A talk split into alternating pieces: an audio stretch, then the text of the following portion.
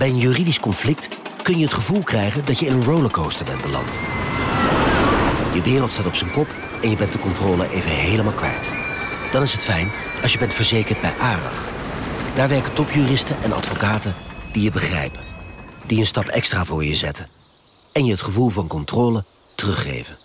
Met kennis en informatie, met heldere uitleg en met gericht advies. ARAG, juridisch probleemoplossers. Een maatschappij waarin iedereen meedoet. Een gezonde, groene en rechtvaardige wereld.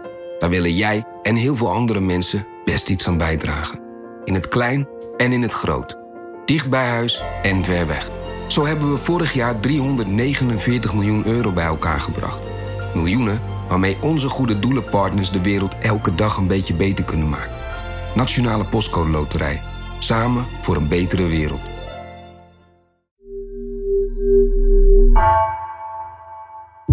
Vanaf de redactie van NRC het verhaal van vandaag. Mijn naam is Gabriella Ader.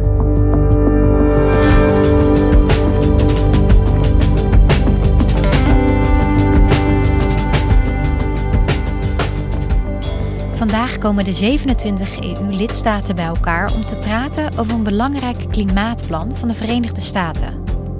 Dat plan, bedoeld om de klimaatdoelen van 2050 te halen, heeft grote gevolgen voor de Europese industrie. EU-correspondent Clara van der Wiel ziet hoe de spanningen tussen Europa en de VS oplopen.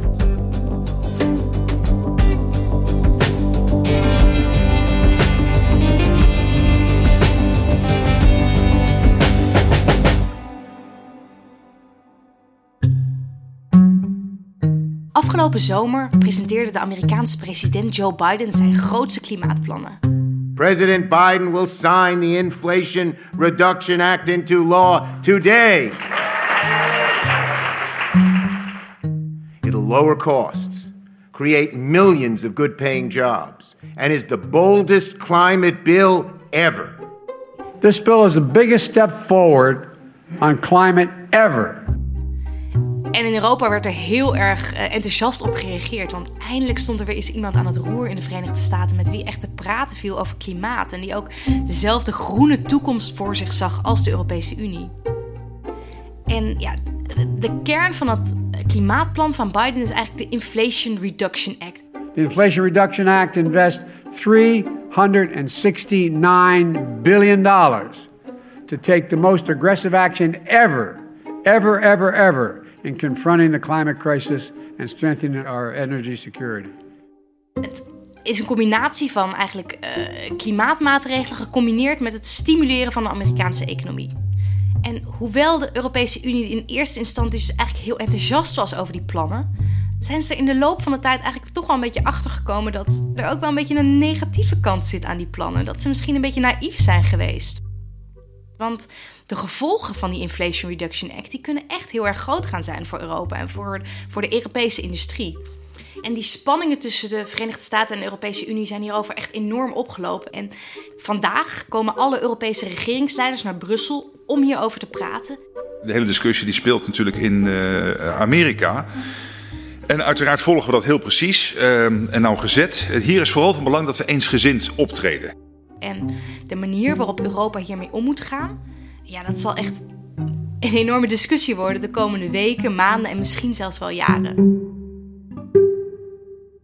Ja, er speelt natuurlijk nu heel veel in de, in de EU. We hebben net het uh, corruptieschandaal gehoord. Uh, er is een deal gesloten met premier Orbán van Hongarije. Toch gaan we het nu hebben over de Inflation Reduction Act.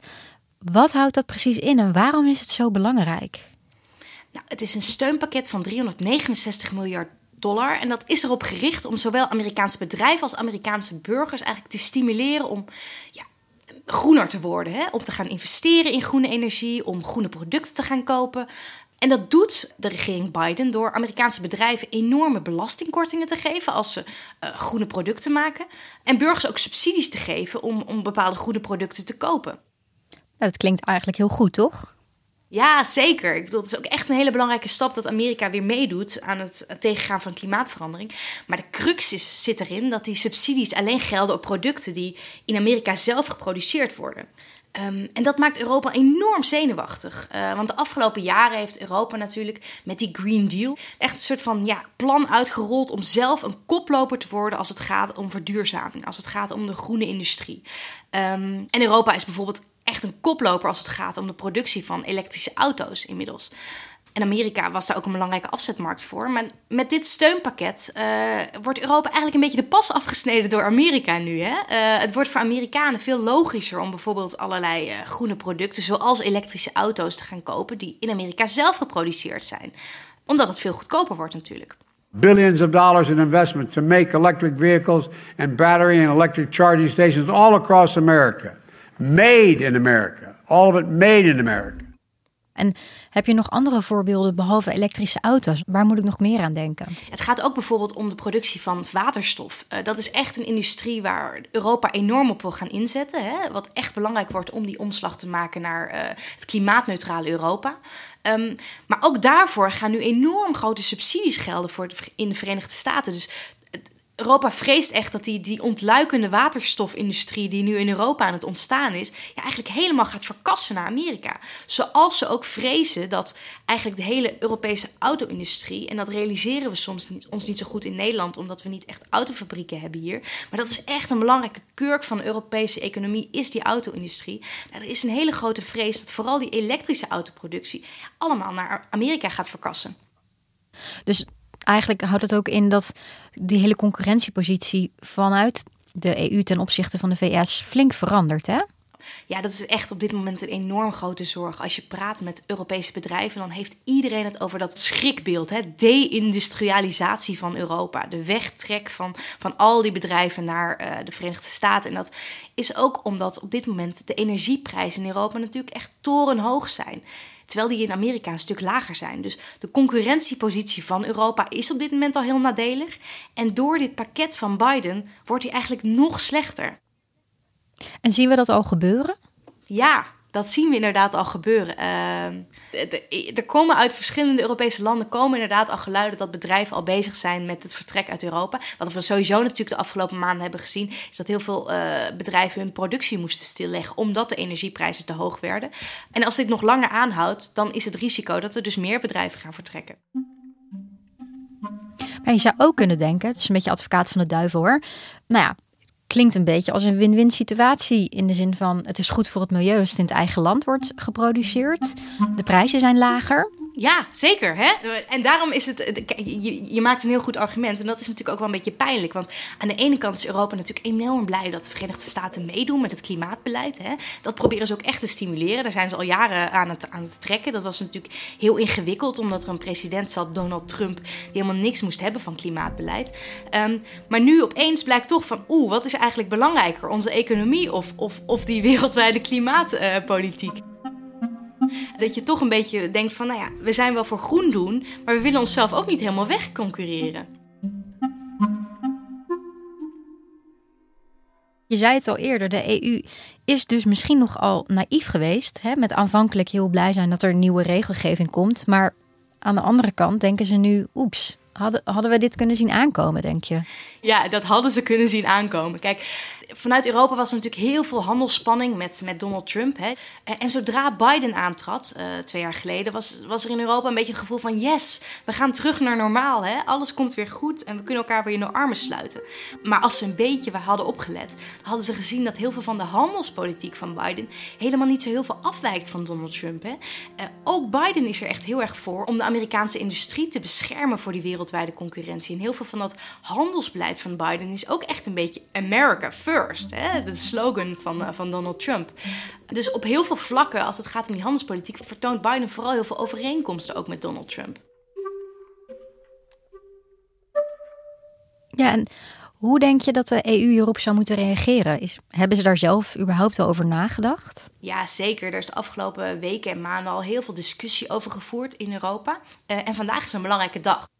Alle Europese regeringsleiders komen naar Brussel om hierover te praten en om te discussiëren over van hoe moeten wij hierop reageren. En, en de, de, urgentie daarvan is echt best wel hoog. Want op 1 januari treedt die Inflation Reduction Act in werking. En zullen dus ook echt de consequenties hiervan duidelijk gaan worden. Dus in januari al. Ja, in januari al. Dan zijn we rijkelijk laat. Ja. zijn we rijkelijk laat met die top. Zeker, daar, daar zijn we ook laat mee. Eh, en dat is natuurlijk eh, een consequentie van hoe Europa werkt. Hè? Eh, kijk, in Amerika heb je een presidentieel systeem waarmee de Amerikaanse president vrij veel besluiten eh, ja, op eigen houtje kan nemen. In Europa eh, moeten we altijd met 27 lidstaten bij elkaar komen. En wordt er over het algemeen heel erg lang gepraat over alles. Ehm, dus ik moet je ook een beetje teleurstellen. Vandaag wordt een eerste discussie hierover. Ehm, Oké, de eerste van velen. De eerste van velen, dat kan ik je wel eh, voorspellen. Want waar het vandaag over gaat, dat zijn echt ingrijpende eh, maatregelen die Europa zou willen nemen om een soort van tegenwicht te bieden tegenover die Inflation Reduction Act. En daarmee ja, zou ook echt een beetje de Europese structuur op de schop kunnen gaan. Wat bedoel je daarmee? Ja, er zijn vandaag eigenlijk twee plannen die op tafel liggen. En het eerste is uh, de oprichting van een groot Europees fonds. Eigenlijk om een soort van ja, hetzelfde soort maatregel te nemen als die Biden heeft genomen. En dat fonds kan dan gevuld worden en daarmee kan dan de Europese industrie ondersteund worden. En het tweede is het versoepelen van de Europese staatssteunregels. Dus dat, dat zijn regels voor hoeveel geld je als overheid aan bedrijven mag geven om ze een soort van ja, uh, kontje te geven, om te floreren in de Europese economie. En dat je eigenlijk iedereen een eerlijke kans geeft binnen de EU, alle bedrijven. Exact, hè? want uh, niet elk land heeft natuurlijk evenveel geld om aan zijn bedrijven te kunnen geven. Dus daarom zijn er vrij strenge regels voor hoeveel geld je mag geven om die concurrentie tussen verschillende EU-landen uh, niet in gevaar te brengen. En nu is het voorstel eigenlijk wat op tafel ligt vandaag, is om die staatssteunregels te gaan versoepelen. Om eigenlijk overheden meer ruimte te geven om bedrijven te helpen. Um, om daarmee dus ook een beetje ja, die concurrentie met Amerika juist te kunnen gaan aangaan. Dus in plaats van dat bedrijven naar Amerika trekken waar veel minder belastingen misschien betaald worden of, of meer subsidies gegeven worden, probeer je ze met dezelfde wijze in je eigen land te houden. Exact, maar kijk, die staatssteunregels zijn ook niet voor niks. Hè? En een land als Nederland voelt zich juist heel erg goed bij, bij strenge staatssteunregels. Dus die zijn ook heel argwanend voor het versoepelen van die regels. Niet zonder reden, hè? want we zijn een klein land. Uh, we zijn best rijk, maar we hebben ook weer niet zo'n grote portemonnee als bijvoorbeeld Duitsland of Frankrijk. Uh, dus als die regels versoepeld worden, dan komen wij al snel een beetje in het nauw. En ik sprak laatst ook met de minister van Economische Zaken, Mickey Adriaanse. En die, ja, die maakte ook wel heel erg duidelijk in ons gesprek dat zij er helemaal geen heil in zag om zomaar ja, de portemonnee zelf te gaan trekken. Te makkelijk je flappetap trekken nu, zeg ja. maar, om maar te stutten. Mm-hmm.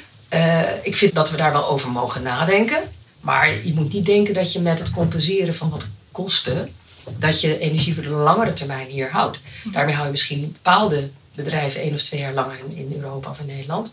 Dus daarom zeg ik dat lange termijn plaatje zo belangrijk wat, wat is dat risico van de flappetap aan?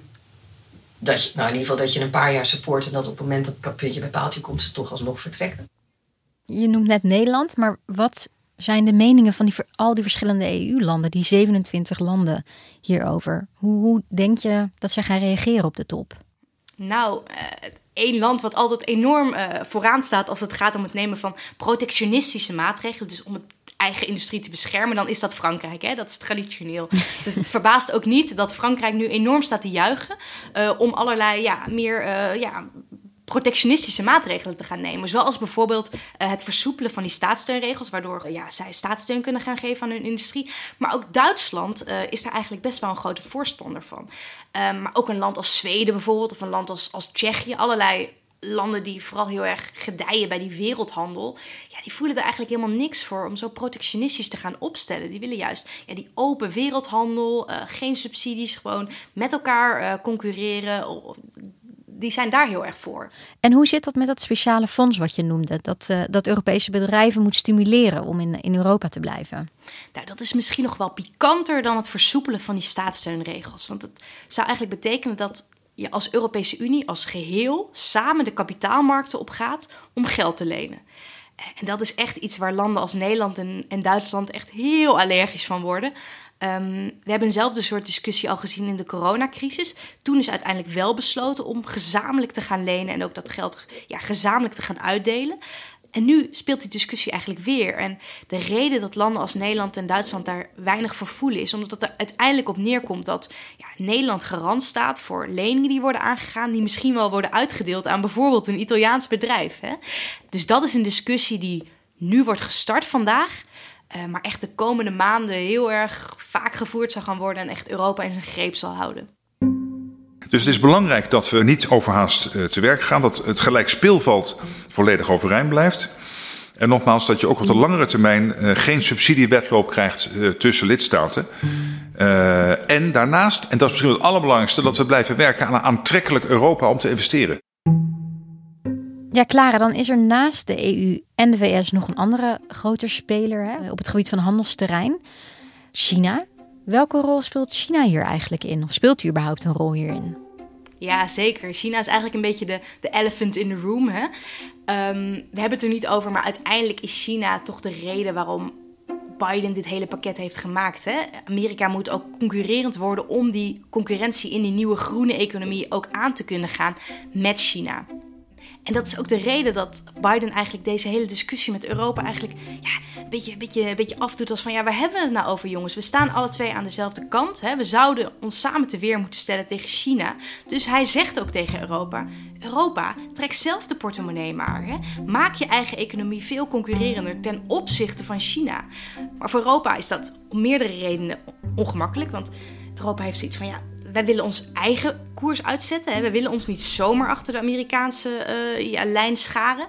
En landen als nou, bijvoorbeeld Nederland of Duitsland, die zeggen ook van ja, maar het is ook belangrijk voor onze economie juist om die handelsketens met China open te houden. Om ook met China handel te kunnen blijven drijven.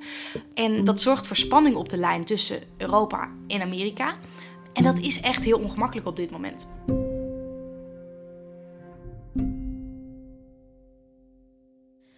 Je noemde aan het begin al dat eindelijk de EU en de VS weer op één lijn zitten met betrekking tot de klimaatdoelen.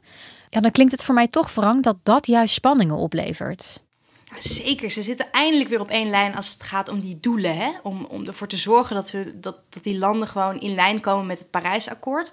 Uh, om, om de emissies terug te dringen. Maar over het hoe, uh, daarover is dus heel veel uh, ja, verschil van mening. Want Europa heeft zichzelf natuurlijk de afgelopen jaren als een groene voortrekker gepresenteerd. Maar heel veel van wat Europa doet aan klimaatbeleid, dat hangt heel erg samen met ja, normstellingen. En het ook beprijzen van uitstoot bijvoorbeeld. Dus regels stellen van hoeveel je mag uitstoten en ook het duur maken om, om uit te stoten. En dat is heel erg anders dan hoe Amerika dat aanpakt. Hè? Amerika die trekt gewoon de portemonnee en die gaat gewoon heel veel geld uitgeven uh, om de groene industrie uh, te subsidiëren. En dat kunnen zij ook doen, omdat ze natuurlijk gewoon veel meer financiële macht hebben om dat te doen. En dat betekent dus ook wel dat, dat je nu eigenlijk een beetje een soort van groene red race ziet ontstaan, waarin Europa een beetje achterblijft. Ja, en hoe, hoe schat jij de kansen van Europa in dan? Denk je dat we toch kunnen blijven concurreren met de VS? Ja, dat wordt dus heel erg ingewikkeld. Um, vandaag gaan we een eerste discussie daarvan zien.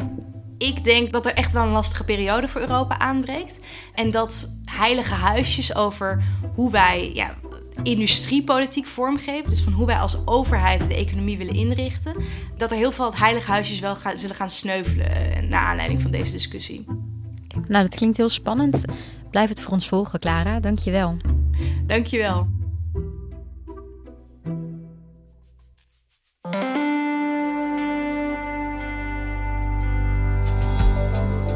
je luisterde naar vandaag, een podcast van NRC. Eén verhaal, elke dag. Deze aflevering werd gemaakt door Anna Korterink, Nina van Hattem en Ruben Pest. Dit was vandaag, morgen weer.